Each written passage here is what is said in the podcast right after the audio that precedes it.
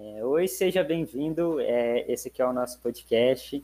Nós somos a sala 02 no grupo de TI, na comunicação e redação teste. E hoje a gente vai estar tá fazendo aqui um podcast sobre o tema do que foi passado para o nosso grupo, que no caso é a tecnologia vai ser mais sutil.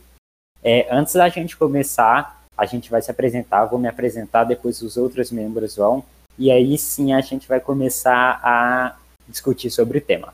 É, eu sou o Pedro, eu sou o Pedro Henrique, e os outros membros vão se apresentar agora.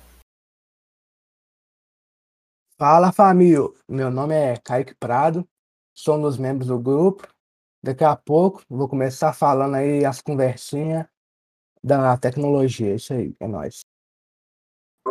Eu sou Pedro Ribeiro, um dos outros participantes do grupo. Eu sou Lucas Vinícius, eu sou mais um participante do grupo 4. É, eu sou Arthur Vertelo e daqui a pouco a gente vai bater um papo mais sobre a tecnologia. Eu sou Ana Clara Lima e daqui a pouco a gente vai falar um pouco mais sobre o tema. É, eu vou dar início aqui no assunto, né, sobre o tema. Eu acho um tema bem legal, é, como todo mundo sabe, a tecnologia atualmente ela está presente em todo lugar, né?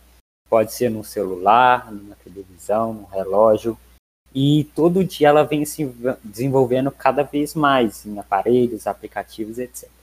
É, ao menos todos nós, no caso, né, ao menos uma parte do dia, a gente usa a tecnologia sem perceber de uma forma tão fácil e tão sutil, seja na nossa casa, no nosso trabalho, na nossa escola. E ela pretende, no futuro, tornar assim mais invisível e mais prática daqui a uns anos. Ou seja, você vai usar ela e praticamente nem vai perceber. E vai facilitar muito a sua vida.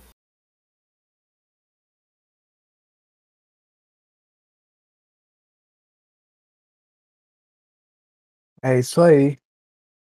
É, a tecnologia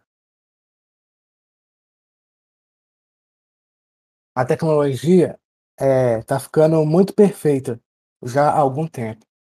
E ela está ficando, sim, cada vez mais sutil.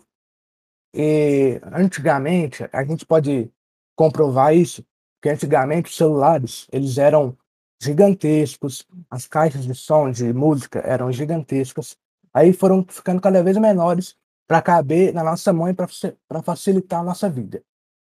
E hoje em dia, tem, tem tecnologia em todo lugar e a gente não percebe. Tipo, Alexa, aquela robozinha que você conversa, um relógio da Apple ou da Samsung, é, até a sua geladeira, ela é inteligente, ela, ela é uma tecnologia e a gente não percebe isso. Tecnologia está muito integrada no nosso ambiente e a gente vive com ela todo dia, então nós não percebemos. É, cara, só para provar esse ponto, cara, de que ela está em todos os nossos lugares, uh, existem atualmente casas que qualquer pessoa pode controlar completamente pela voz, usando equipamentos como a Alexa ou Google. E esse é por exemplo, geladeiras que elas, só de ficar vazia alguma posição, elas já já para o supermercado pedindo comida. Isso prova que atualmente qualquer coisa está lotada de tecnologia. Isso pode acontecer no nosso dia a dia e qualquer objeto. Bom, a tecnologia está tão presente no nosso dia a dia que nós não conseguiríamos estar fazendo essa reunião agora se não fosse ela. E a gente está usando ela praticamente sem nem perceber. E eu acredito que ela vai ser tão usada daqui para frente que, por exemplo, é, normalmente a gente, quando sai de casa, sai com uma chave, que é a chave da sua casa, uma carteira, um celular. E daqui, daqui a alguns anos, não, acho que hoje em dia já tem isso, que é você leva apenas o celular. Aí com o celular você consegue fazer pagamentos, você tem documentos online e você consegue abrir, por, por exemplo, a porta da sua casa te, é, te, com a tecnologia, apenas aproximando a tela do seu celular próximo e já abre sua casa. É, uma das coisas que eu acho mais interessante é que quando as tecnologias elas amadurecem, ou seja, elas ficam tipo, vai passando o tempo, elas vão se tornando invisíveis. É, há um tempo eu estava assistindo uma palestra do Astro Teller, que é o coordenador da Google X. Ele estava falando é, justamente sobre isso, que o propósito da tecnologia é desaparecer das nossas vidas, mas ainda assim ter grande influência sobre tudo que a gente vai fazer. Igual é, já foi falado aí da, sei lá, do pagar as coisas, de sair de casa só com o celular e poder destrancar as portas e essas coisas assim. Bom, como todos nós sabemos, né? Estamos sendo bombardeados todos os dias com várias informações de todas as coisas. E a tecnologia não fica fora dessa. Ela está se tornando cada vez mais avançada que chega a ficar até invisível, entre aspas.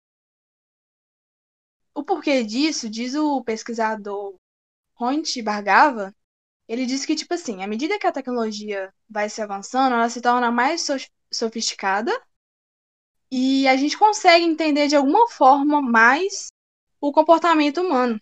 Como, por exemplo, nós temos aí no nosso dia a dia, em nossas casas, é, equipamentos eletrônicos como uma caixa de som interna.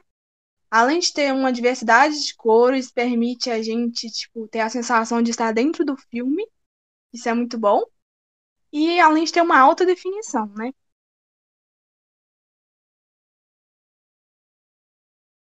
Bom, esse foi o nosso podcast. Espero que vocês tenham gostado. Com o tema A tecnologia será cada vez mais útil. E é isso. Agora os participantes vão se despedir.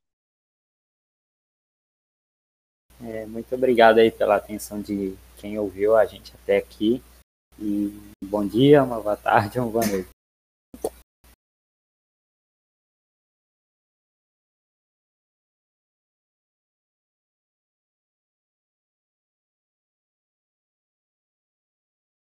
Muito obrigado por ter é, prestado atenção e é isso. Então, adeus aí vocês e até o próximo trabalho. Muito obrigado por, pela participação e até a próxima. Opa, opa, opa, espera aí. Achou que tinha acabado, né?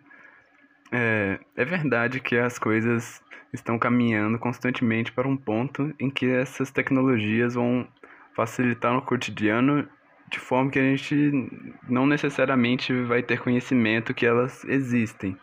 Porém, apesar do deslumbre, do deslumbre que essa ideia pode trazer, ela traz consigo uma armadilha em potencial. É, pois caso essa barreira entre o mundo virtual e o mundo real for cada vez mais e mais excluída, entre aspas, é, não vai ter como alguém realmente conseguir ficar offline no futuro. Pois no momento você ainda tem essa escolha de ficar plugado ou não. Por exemplo, ficar online no WhatsApp ou mandar uma mensagem, publicar uma mensagem no Instagram e outras redes sociais. Porém, caso é, as coisas continuem evoluindo dessa maneira, isso no futuro será impossível. E será impossível ficar offline, realmente. É, eu sou o Kaique Martins e obrigado pela atenção.